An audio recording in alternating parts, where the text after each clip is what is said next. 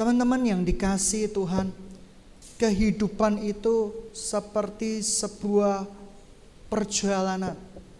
Saya selalu berkata kehidupan itu seperti sebuah buku. Kadang kita akan memasuki bab-bab di mana Tuhan izinkan untuk sementara waktu kita mengalami hal-hal yang kelihatannya Tuhan meninggalkan kita. Tetapi sebenarnya Tuhan tidak akan pernah meninggalkan kita. Tetapi hari ini Alkitab akan mengajarkan kita tentang kasih Tuhan kepada kita. Apa kerinduan Tuhan yang terbesar di dalam hidup kita. Semenjak dari zaman dahulu sampai sekarang, Tuhan rindu kemuliaannya dinyatakan atas anak-anaknya. Tuhan sangat rindu anak-anaknya mewarisi kemuliaan demi kemuliaan. From glory to glory. Saya percaya itu bukan semenjadi sebuah retorika semata. Tetapi Tuhan hanya ingin anak-anaknya ini dipakai, diangkatnya untuk menjadi saksinya. Hari-hari ini saya percaya Tuhan menangis karena begitu banyak orang yang melayani Yesus karena sesuatu, karena uang. Ada yang melayani Yesus karena jabatan, ada yang melayani Yesus karena nama baik, bahkan ada yang menjadi Yudas-Yudas Iskariot. Mereka tidak menganggap Yesus sebagai Tuhan, Cu Yesus, tetapi mereka menjual Yesus, Cu Yesus, ia akan jualan Tuhan Yesus. Oleh karena itu banyak sekali orang-orang yang berdiri di depan mimbar, yang berdiri mengucapkan kebenaran firman, tetapi sikapnya tidak bisa menjadi buku terbuka yang enak dibaca bagi semua orang. Saya tahu kita tidak sempurna. Saya tahu saya tidak sempurna. Saya tahu kita semua belum disempurnakan. Sebab ketika kesempurnaan itu datang, kita siap-siap meninggalkan tubuh yang fana ini untuk digantikan dengan tubuh kemuliaan. Tetapi minimal berusahalah dengan kekuatan yang datangnya dari Tuhan untuk berubah.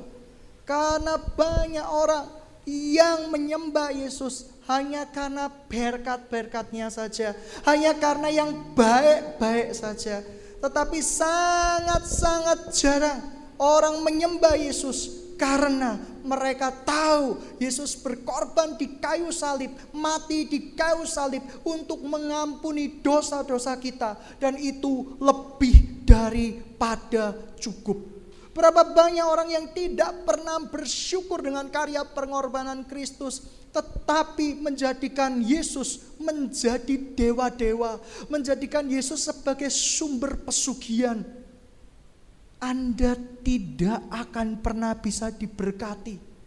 Ada seseorang yang baru mengikut Kristus, hanya dikenalkan Kristus karena nanti kalau kamu ikut Yesus, kamu usahamu yang sepi bisa menjadi rame. Emangnya Tuhan Yesus Mbah Gunung Kawi? Emangnya Tuhan Yesus adalah uh, iblis yang bisa memberkatimu, yang bisa melakukan segala sesuatu yang kamu perintahkan? Tuhan Yesus adalah Lord, dia master, dia adalah Tuhan kita. Kitalah yang harus mengikuti perintah dia, bukan kebalik. Tuhan, kalau aku mau jadi anggota jemaat gereja, berkati aku. Kalau engkau enggak berkati, aku akan tinggalkan engkau. Silahkan maut mengintai kamu. Begitu banyak orang yang suka mengatur Yesus. Begitu banyak orang yang main sandiwara. Sandiwara di depan mimbar. Dan celakalah siapa pun termasuk saya. Kalau ada seseorang yang menceritakan kebenaran. Tapi tidak pernah belajar berubah dan belajar dibentuk menjadi seperti yang Tuhan inginkan. Begitu banyak pengusaha-pengusaha dipakai untuk bersaksi. Begitu banyak pengusaha-pengusaha dipakai untuk memberitakan kebenaran firman Tuhan. Tetapi hidupnya tidak pernah berubah. Sekelumit-sekelumit kesaksian Bukan kesaksian yang utuh mengenai pengenalan dia. Kesaksian yang hanya, oh kemarin luar biasa loh saya perjanjian bisnis ya, tanda tangan ya. Tiba-tiba, oh rekan bisnis saya itu kasih amplop 50M. Uh, beli kemuliaan buat Tuhan. Kita disuguhkan kesaksian-kesaksian yang menyedihkan. Kesaksian-kesaksian yang tidak bersumber pada firman Tuhan. Kesaksian-kesaksian yang dongeng, cerita rekayasa. Sehingga mengaburkan siapa Kristus sebenarnya yang ada di dalam Alkitab. Tetapi hari ini saya akan memberitahukan sebuah kebenaran yang akan memerdekakan kita. Bahwa kita semua dipanggil Tuhan untuk menjadi alat kemuliaannya. Dan kita semua dipanggil Tuhan untuk mewarisi bumi ini. Menjadi pewaris tahta kasih karunia Tuhan. Itu tidak mudah. Oleh karena itu Tuhan akan mempersiapkan engkau dari kecil, remaja, dewasa, dewasa muda. Mungkin Anda sudah sangat dewasa, mungkin Anda sudah orang tua, tetapi Tuhan tidak pernah berhenti mempersiapkan engkau menjadi alat kesaksiannya. Untuk menjadi pewaris tata kasih karunia. Mungkin Anda boleh mengalami bab-bab di mana Anda gagal di kehidupan Anda. Tetapi ingat Tuhan selalu memberikan kesempatan sebelum nafas kita putus untuk membalikkan keadaan. Ketika saya baca tadi, Simpson, itu betapa dia menjadi hakim-hakim yang luar biasa. 20 tahun ramanya dari kecil orang tuanya berjumpa dengan malaikat Tuhan bahwa anaknya ini akan menjadi nasir Allah atau pahlawan Allah. Nasir Allah, pahlawan Allah itu dikhususkan buat Allah. Dia sebenarnya Simpson tidak boleh menikah. Nasir Allah tidak boleh menikah, seorang pria zaman dahulu. Tetapi Simpson melanggar yang diperintahkan Tuhan. Dia pergi ke perempuan-perempuan sundal dan sekali lagi dia jatuh cinta dengan perempuan yang tidak baik. Delila namanya. Seketika itu juga matanya dicungkil. Seketika itu juga rambutnya dipangkas dan dia tidak punya kekuatan apa-apa.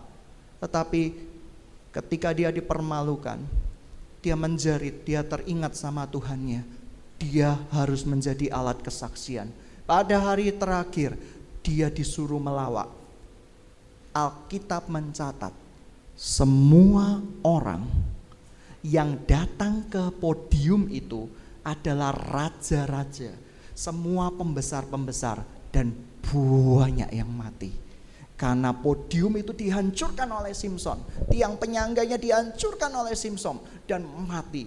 Pembalasan dari Allah sungguh luar biasa dan Alkitab mencatat orang-orang musuh-musuh yang dibunuh Simpson jauh lebih banyak pada hari itu ketimbang hari-hari sebelumnya. Satu hari saja Tuhan bisa memutarbalikkan keadaan. Satu hari saja Tuhan bisa memutarbalikkan keadaan. Berapa banyak orang yang tidak sadar dengan kondisinya, orang yang mau mengalami glory, kebangunan, orang yang mau mengalami kemuliaan, dia harus sadar dengan kondisinya. Tadi Devi bersaksi, Aku nggak sadar mengalami mujizat. Puji Tuhan dia sadar dia mengalami mujizat.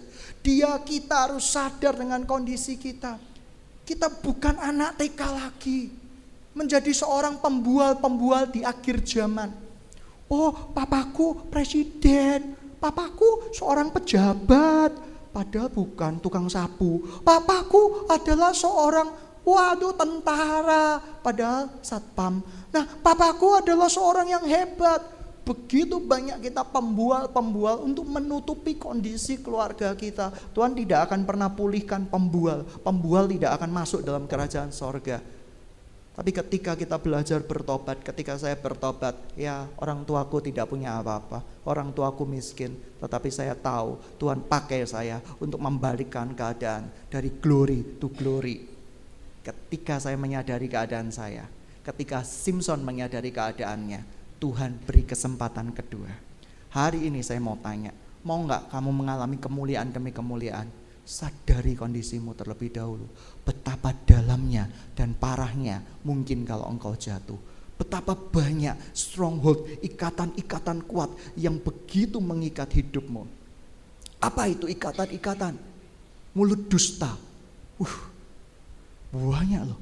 Orang yang hati-hati loh ya. Saya enggak bilang apa-apa ya. Orang di marketplace itu terbiasa dengan mulut berkata dusta. Tetapi bagaimana kita bisa belajar menyadari kondisi kita? Seringkali saya menyadari kondisi saya Waktu di marketplace saya berbicara seperti ini. Langsung satu jamnya saya telepon. Pak, sorry pak, sebenarnya bukan seperti ini. Ya, saya ambil untung agak banyak lah. Tetapi saya percaya ini realistis. Saya cerita, oh enggak apa-apa, itu biasa, jangan sungkan-sungkan. Tetapi ingat, saya menjadi alat kemuliaan dia. Saya tidak mau nama Bapak dipermalukan gara-gara saya. Anda menyadari kondisi Anda? Bagus, karena itu syarat pertama untuk mengalami glory to glory. Syarat kedua, supaya kita bisa mengalami kemuliaan dengan kemuliaan, kita harus apa? Kita harus menjadi seseorang yang memahami perjanjian barunya Tuhan di dalam hidup kita. Ingat, kita sering kali menganggap bentukan-bentukan yang lama akan terus-terusan seperti itu. Tidak, tidak selamanya kamu diajari satu tambah satu. Kamu tidak selamanya diajari dua tambah dua adalah empat. Tapi pada Bapak yang baru di dalam kehidupanmu, kamu akan diajari lima roti dan dua ikan adalah lima ribu orang. Amin, amin. Kita selalu suka khotbah yang fantastik. Kita selalu suka khotbah motivasi yang menggugah semangat kita untuk memperoleh berkat, bukan untuk memperoleh Kristus. Tetapi hari ini saya akan berkhotbah bahwa kita mutiara yang paling berharga di dalam kehidupan kita cuma satu, Kristus namanya. Dunia mengajarkan kita harus mendapatkan berkat yang banyak, uang yang banyak. Tetapi Rasul Paulus sudah mengajarkan kepada kita semua gelar, kedudukan, jabatan, semuanya sampah. Dia buang di laut. Ya, saya percaya dia buang di laut itu. Saya percaya dirobek-robek itu. Tidak berguna sama sekali gelar-gelarku. Tetapi apa yang dahulunya kau anggap sebagai keuntungan, aku anggap semuanya sebagai sampah. Kita harus tahu tujuan kita hanyalah untuk Tuhan. Tujuan kita bukan kesembuhan, tujuan kita bukanlah kemakmuran. Itu menjadi berkat sampingan ketika kita mengikut Kristus. Tetapi ketika kita mengikut Kristus, sebuah meterai baru telah diberikan kepada kita. Tidak selama-lamanya seorang ayah marah pada anaknya. Ketika saya marah pada anak saya, terutama anak yang kedua, saya sudah dah agak tobat-tobat gimana gitu ya seperti itu. Kalau yang pertama lebih cute, lebih manis, lebih lebih sopan gitu ya seperti itu. Kalau anak kedua saya tidak tahu nurun siapa gitu ya seperti itu. Masa kecil saya baik-baik saja, saya suka rajin membaca buku, cinta Tuhan. Enggak, enggak, masa kecil saya seperti itu. Gitu ya. Nah, saya betul-betul bilang saya marah, saya pukul pantatnya. Dan ketika saya pukul pantatnya, dia kasih tangan kanannya, dia kasih tangan kirinya, dia kasih kaki kanan, kaki kiri. Ini pelecehan buat saya gitu ya, seperti itu. Hukumlah sebanyak-banyaknya, aku senang gitu ya, seperti itu. Tapi tidak selama-lamanya saya marah sama dia. Bapak di sorga apalagi. Tidak selama-lamanya Bapak marah sama kamu. Kita selalu dengar firman Tuhan. Tuhan tidak pernah marah. Itu firman dari Hong Kong. Firman dari Arab. Tetapi yang saya mau kasih tahu. Tuhan tidak pernah selama-lamanya marah sama perbuatan kita. Kalau kalian sering dengar firman Tuhan itu pemarah, penghukum, kejam. Itu firman bukan dari Alkitab, itu mungkin firman dari Timur Tengah kali ya. Yang tuannya itu marah terus, hukum terus. Tetapi di dalam firman Tuhan ada keseimbangan. Tuhan mau mendidik umatnya dengan tangan besi, dengan tangan kasih. Tetapi mari kita hari ini belajar di dalam perjanjian lama di Yeremia 31. Syarat yang kedua supaya kita mengalami glory, glory, glory yaitu perjanjian baru harus dimeteraikan di dalam hidup kita. Apa perjanjian baru? Yesus Kristus? Bukan. Mari kita baca sama-sama. Perjanjian baru yaitu pada waktu itu demikianlah firman Tuhan. Aku akan menjadi Allah segala kaum keluarga Israel dan mereka akan menjadi umatku.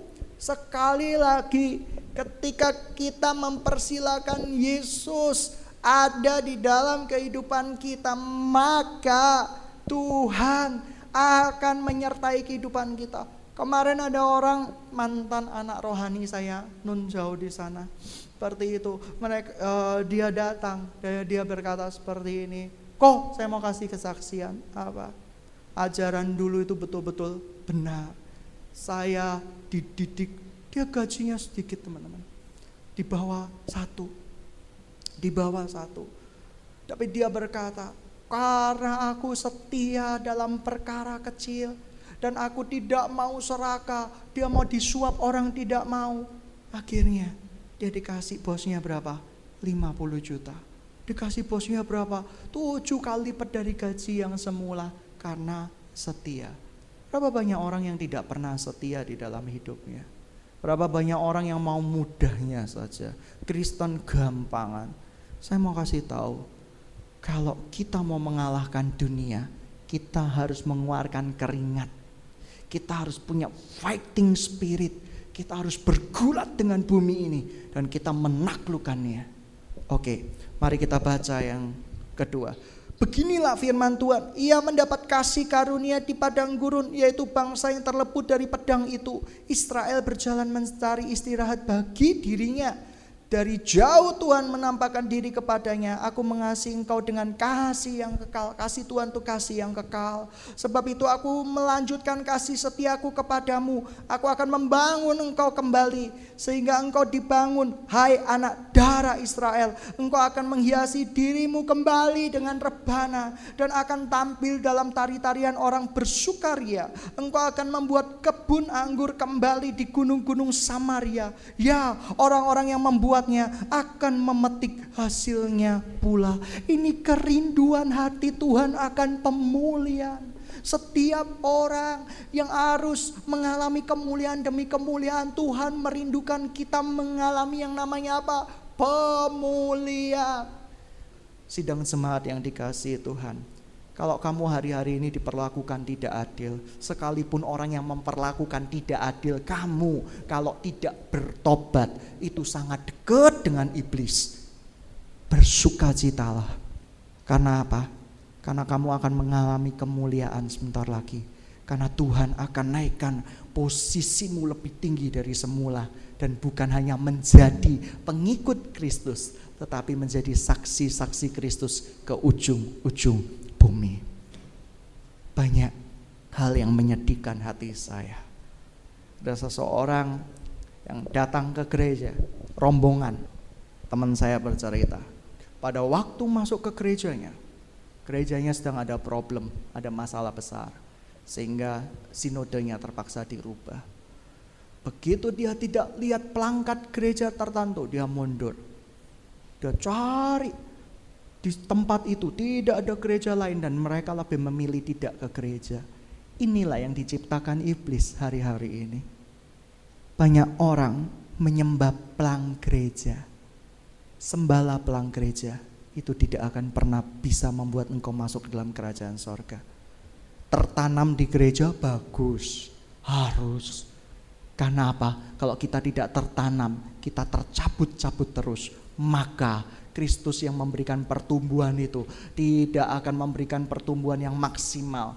Pertumbuhan itu milik Kristus loh, bukan milik gereja loh. Tetapi kamu harus tertanam. Tapi big problemnya, Mbok ya sekali-sekali sudah datang berombongan. Mereka lebih memilih pelang gereja daripada beribadah. Itu sangat menyesakkan hati saya. Hari-hari ini banyak yang uh, banyak yang pendeta yang bertengkar masalah pemberkatan jemaatnya. Ini harusnya yang cewek dari gereja mana, yang cowok dari gereja mana. Ini harus diberkati di gerejaku. Oh, udah bisa. Ini harus diberkati dari gerejaku. Udah bisa. Gerejaku terkenal dengan berkatnya loh. Gerejaku terkenal dengan urapannya loh. Gerejaku terkenal dengan pendeta pencabut nyawanya loh. Gerejaku terkenal. Waduh, kawat seperti itu. Saya cuma mau berkata, diberkati di mana pun saja yang penting Tuhan yang memberikan berkat. Selesai. Aduh, menyedihkan gereja di akhir zaman. Bukan sedih, menyedihkan. Kalau Tuhan Yesus datang sekarang, mungkin air matanya sangat berlinang-linang. Kenapa? Karena sedih melihat kondisi gereja sekarang. Penyembah-penyembah patung, penyembah-penyembah pendeta, banyak orang, saya terkenal menjadi pendeta pengusir setan, PPS. Iya kan? Dikit-dikit kalau ada setan di sebuah kos-kosan, rumah, atau tempat tinggal, atau orang kerasukan setan, atau terikat setan, itu selalu SMS saya, telepon saya. Kok gimana ini? Gimana? Jadi pendeta ternyata ada spesialisasinya sendiri-sendiri. Berkat ke siapa, kesembuhan ke siapa, pengusir setan ke siapa, seperti itu. Dan saya terkena pendeta melepaskan.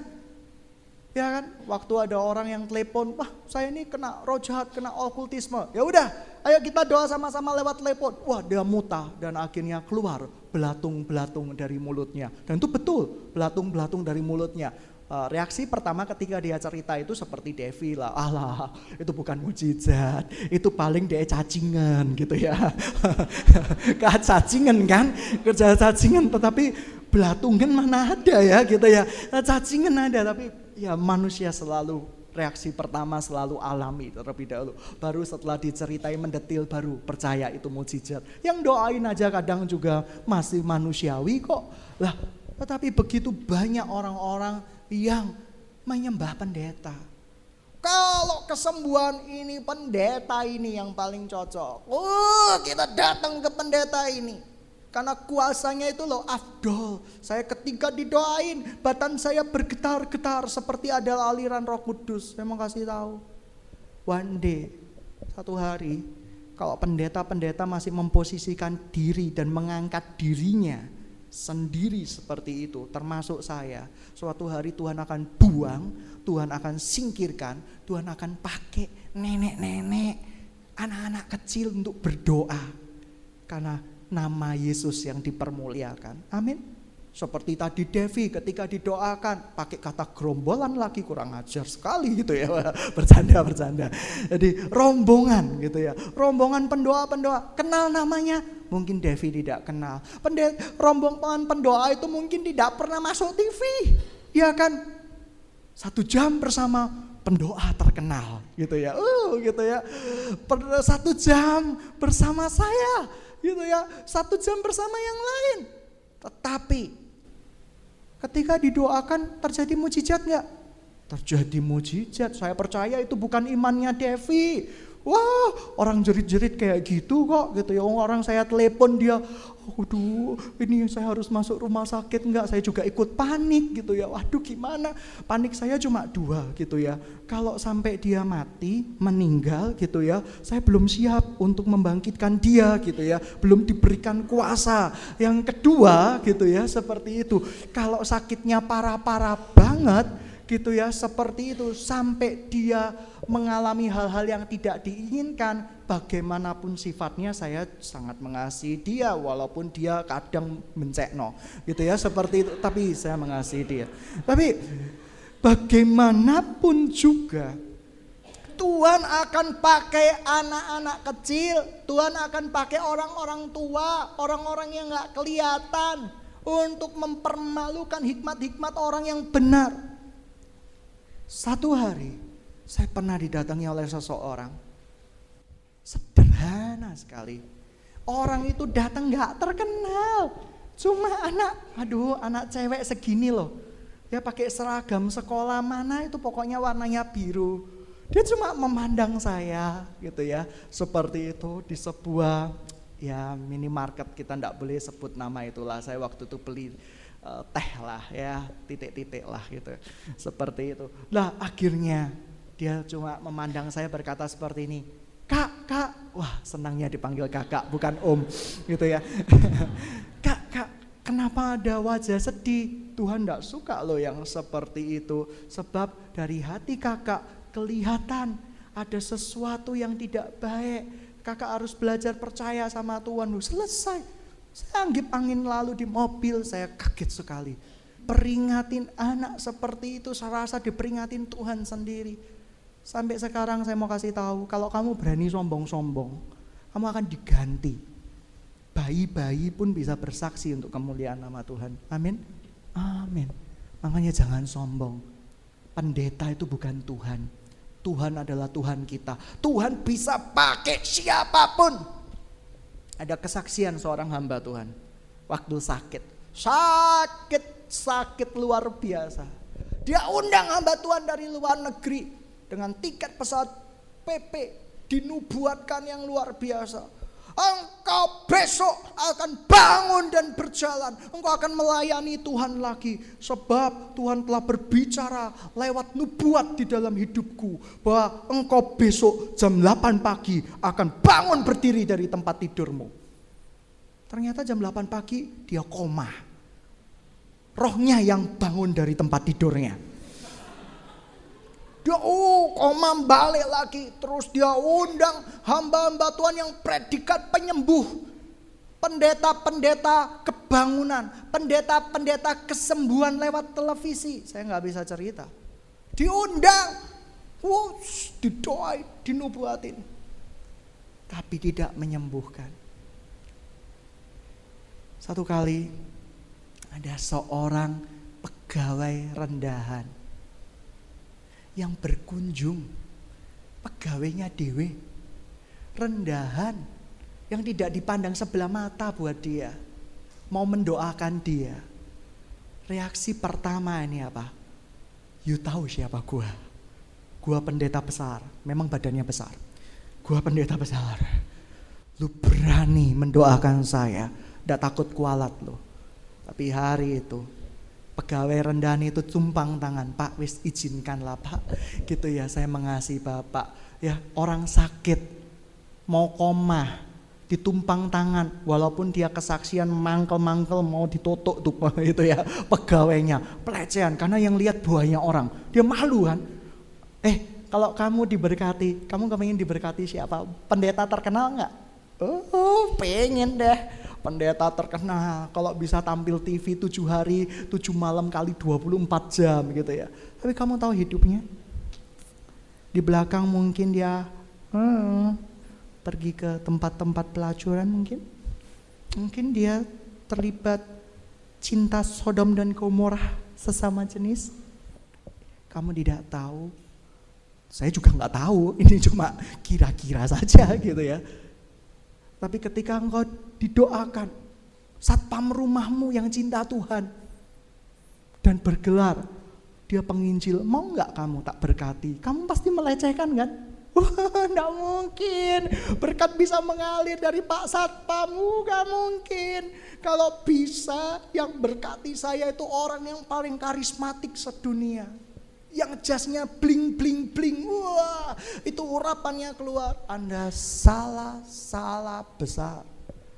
Dan hari itu juga hamba Tuhan itu mendapat pelajaran yang sangat berharga. Bahwa apa? Bahwa Tuhan mau pakai siapa pun bisa Tuhan akan pakai orang-orang yang tidak dipandang menurut muka bumi ini untuk mematahkan hikmat-hikmat orang yang paling berhikmat. Tetapi puji Tuhan, hamba Tuhan itu dilembutkan kembali. Dia mengerti hati seorang hamba. Kalau Anda masuk berbaring di rumah sakit, Anda minta didoakan siapa? Hamba Tuhan yang paling terkenal di dunia. Anda mungkin sangat kaya dengan menggunakan jet pribadi, tetapi kalau nama Yesus yang dipakai tidak mau menyembuhkan, you mau apa? Kamu bisa apa? Tapi kalau Tuhan meminta kamu didoakan anak kecil, tapi Tuhan izinkan.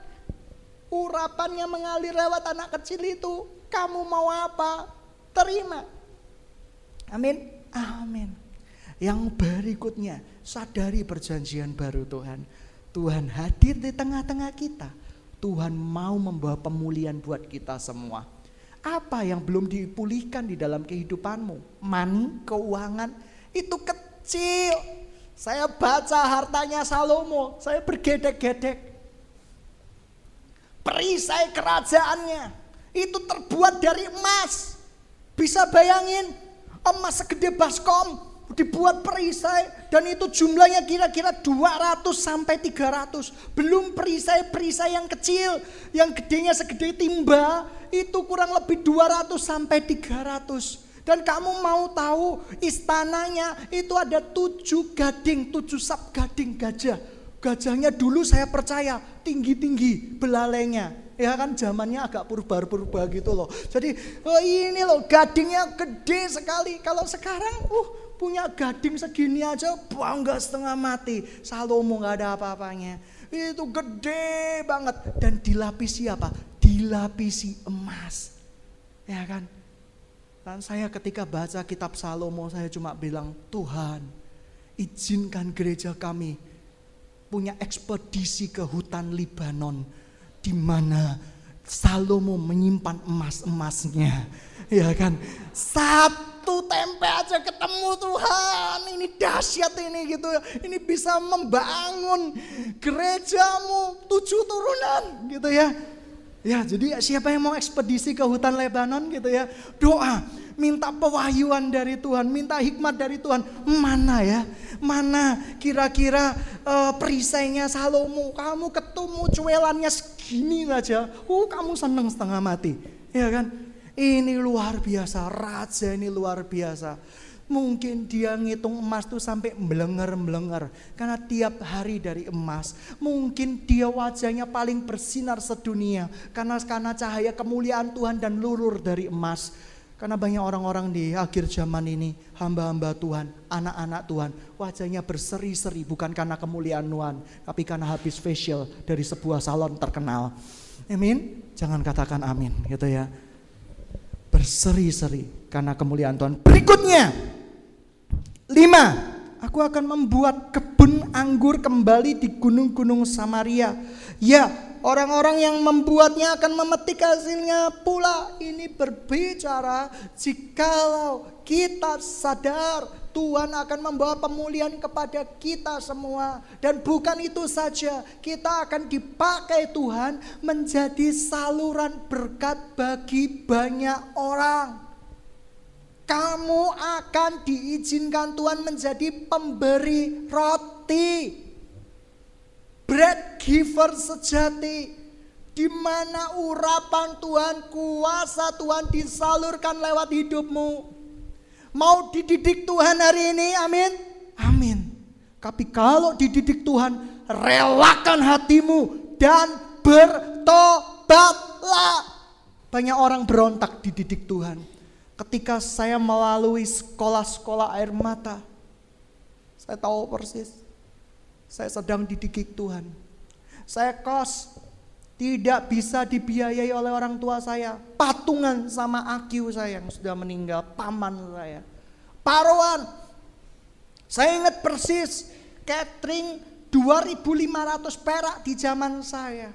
Saya bagi tiga, bagi empat.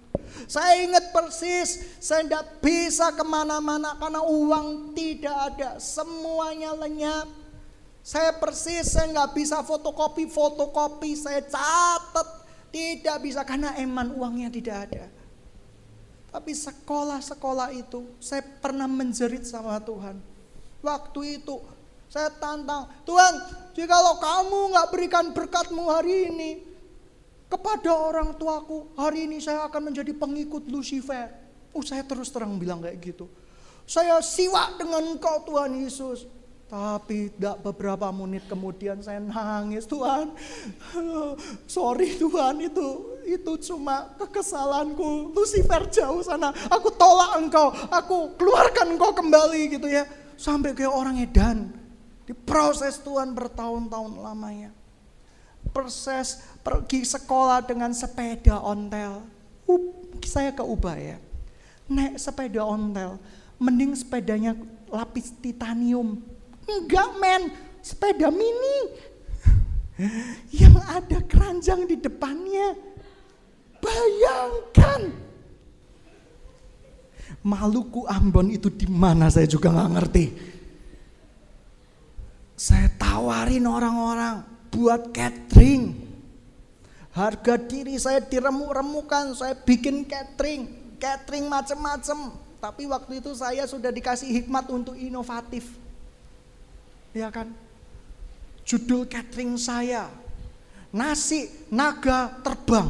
Uh, tertarik semua. Siapa yang mau beli gitu ya seperti itu. Wow, lihat gitu ya. Ya.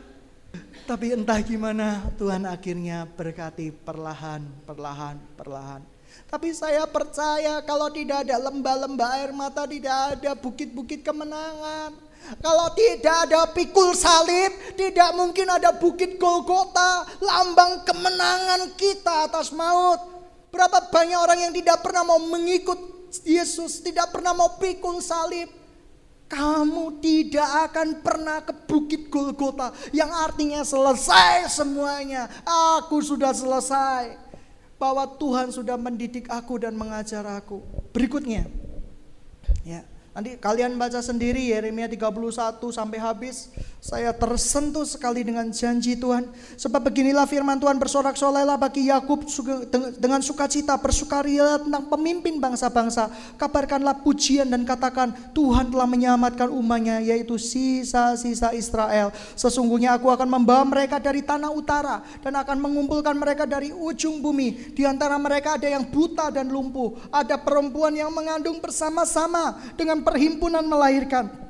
Dan dalam kumpulan besar mereka akan kembali kemari. Ini berbicara akhir zaman. Ini berbicara nubuatan yang belum terjadi. Tetapi sedang dikerjakan Tuhan. Dengan menangis mereka akan datang. Dengan hiburan aku akan membawa mereka. Diperkirakan ini perang besar.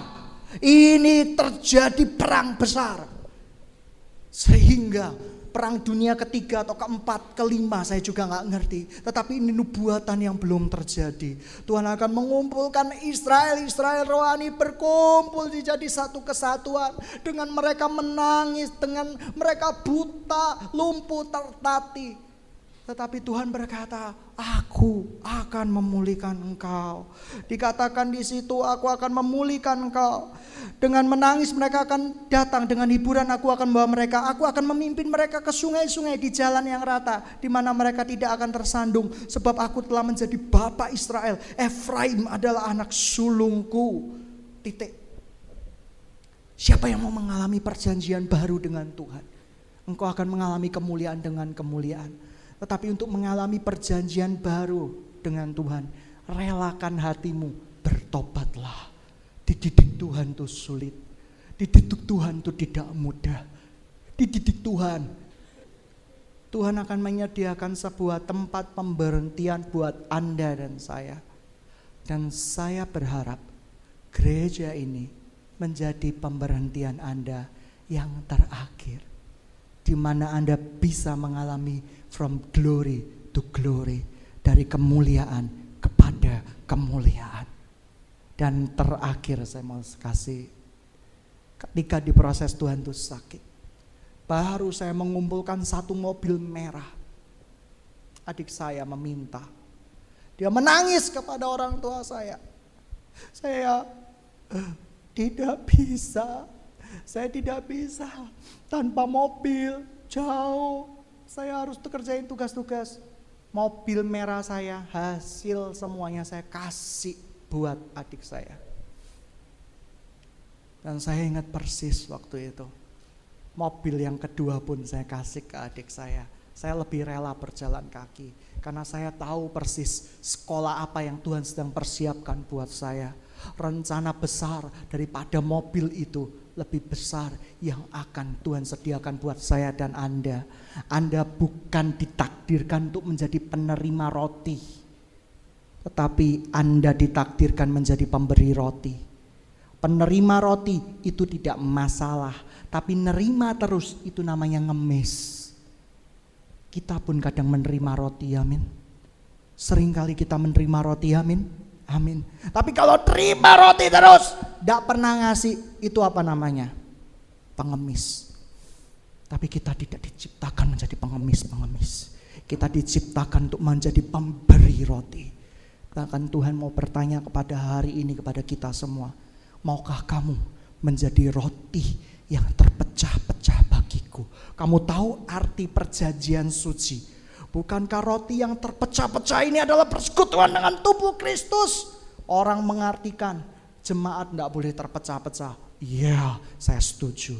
Tetapi arti yang sesungguhnya Tuhan berkata, maukah kamu menjadi roti hidup yang terpecah-pecah untuk kemuliaan namaku.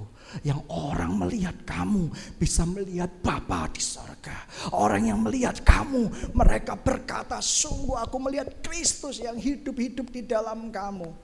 Itu yang Tuhan mau. Persiapkan. Tuhan punya rencana yang dahsyat buat engkau. Setia, setia. Di dalam kesetiaan mungkin kita ngomel, mungkin kita mulai negatif thinking sama Tuhan. Tetapi ingatlah Tuhan menjadi Tuhan kepala kita. Dan dia belum selesai dengan kita. Satu hari. Saya bukan orang yang SMA saya selalu ranking. Perguruan tinggi Tuhan menghancurkan ego saya. Semester 1, semester 2 nilai saya bagus semua. Semester 3, 4, 5, 6 itu penganiayaan besar buat saya. Bayangkan apa yang saya lakukan tidak pernah berhasil saya saking semangatnya belajar.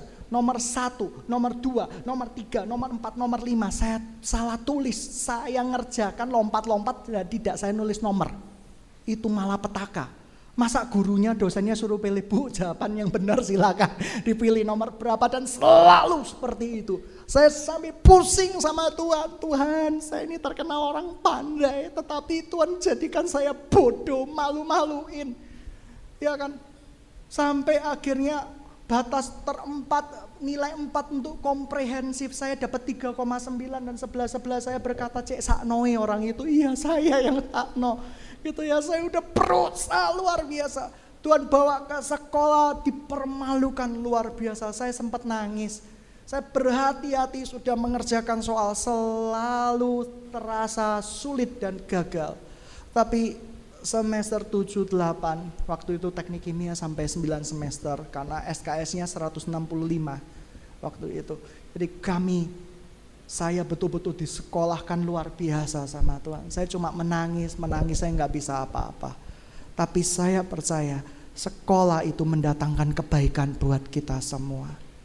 Satu kali saya diizinkan lomba ke ITB Waktu itu saya bawa uang 600 ribu, enggak 700 ribu. Saya lupa, waktu itu besar bagi saya yang enggak punya uang. Tapi hari itu, saya waktu itu cuma pingin memuji Tuhan. Orang tua tidak kunjung dipulihkan, saya memuji Tuhan. Saya jual 600 ribu itu saya berikan semuanya untuk Tuhan. Saya cuma bilang kayak gini, sepulang dari uh, Bandung, dengan kereta saya cuma nangis sama Tuhan. Saya bilang Tuhan anu ini pengen muji kamu Tuhan. Persekutuan doaku ndak ada gitar. Waktu itu saya menjadi leader di Ubaya. Dengan uang 600 ini saya akan berikan gitar buat engkau. Dan saya beri semuanya. Dan ketika saya pertama kali usaha IT saya bilang sama Tuhan Tuhan saya janji bulan pertama sampai bulan kedua firmanmu berkata bulan pertama Tuhan seluruh hasil tak berikan kepadamu. Waktu itu saya nggak punya apa-apa dan anak rohani saya juga menyaksikan hal yang sama. Dia berikan semuanya buat Tuhan. Wis sudah dapatnya sedikit diberi. Saya nggak tahu saya berikan semuanya buat Tuhan. Tapi satu hari ketika saya merasakan berkat-berkat Tuhan yang indah dalam hidup saya saya cuma tanya Tuhan, kenapa sih kamu mau memberkati saya? Tuhan flashback. Kamu tahu Daniel, kamu memberi gitar kelihatannya kecil, tapi itu menyentuh hati saya. Saya cuma nangis. Tuhan itu kecil, terlalu kecil dengan cintamu yang besar. Tapi Tuhan berkata, aku akan mengingatnya terus sebagai perjanjian kamu dan aku. Saya sampai nangis luar biasa. Pernahkah kamu berikan sesuatu yang terbaik untuk Tuhan? Sekalipun orang pandang itu kecil, tapi Tuhan pandang itu berharga. Selamat datang, kamu akan menjadi orang yang akan mengalami kemuliaan demi kemuliaan. Haleluya. Saya tidak tahu sekolah apa yang Tuhan berikan kepadamu. Tapi saya tahu persis. Dia baik. Dia baik. Dia baik. Saya tidak habis katakan. Hari ini ketika saya mau jatuh, mau hancur, bahkan mungkin terperosok, saya ingat dengan perjanjian Tuhan. Bahwa apa yang saya lakukan, yang saya anggap kecil, tapi dianggap besar bagi Tuhan. Tuhan tidak melihat jumlah, tapi Tuhan lihat hati. Bejana hati yang dipersiapkan, diremukkan untuk dipersembahkan kepada Tuhan. Dan hari ini mungkin Tuhan berkata peremukan-peremukan itu belum selesai. Belum selesai. Aku akan menemukan engkau lagi. Menjadi bejana yang luar biasa indah untuk menjadi bejana yang siap menerima anggur kemuliaanku. Sidang jemaat yang dikasih Tuhan. Siapa yang hari ini mau berkata, Tuhan, aku mau mengalami kemuliaan demi kemuliaan. Angkat tanganmu sama-sama. Kita berdoa hari ini kita akan mengalami kemuliaan kepada kemuliaan. Jangan takut. Jangan takut relakan hatimu.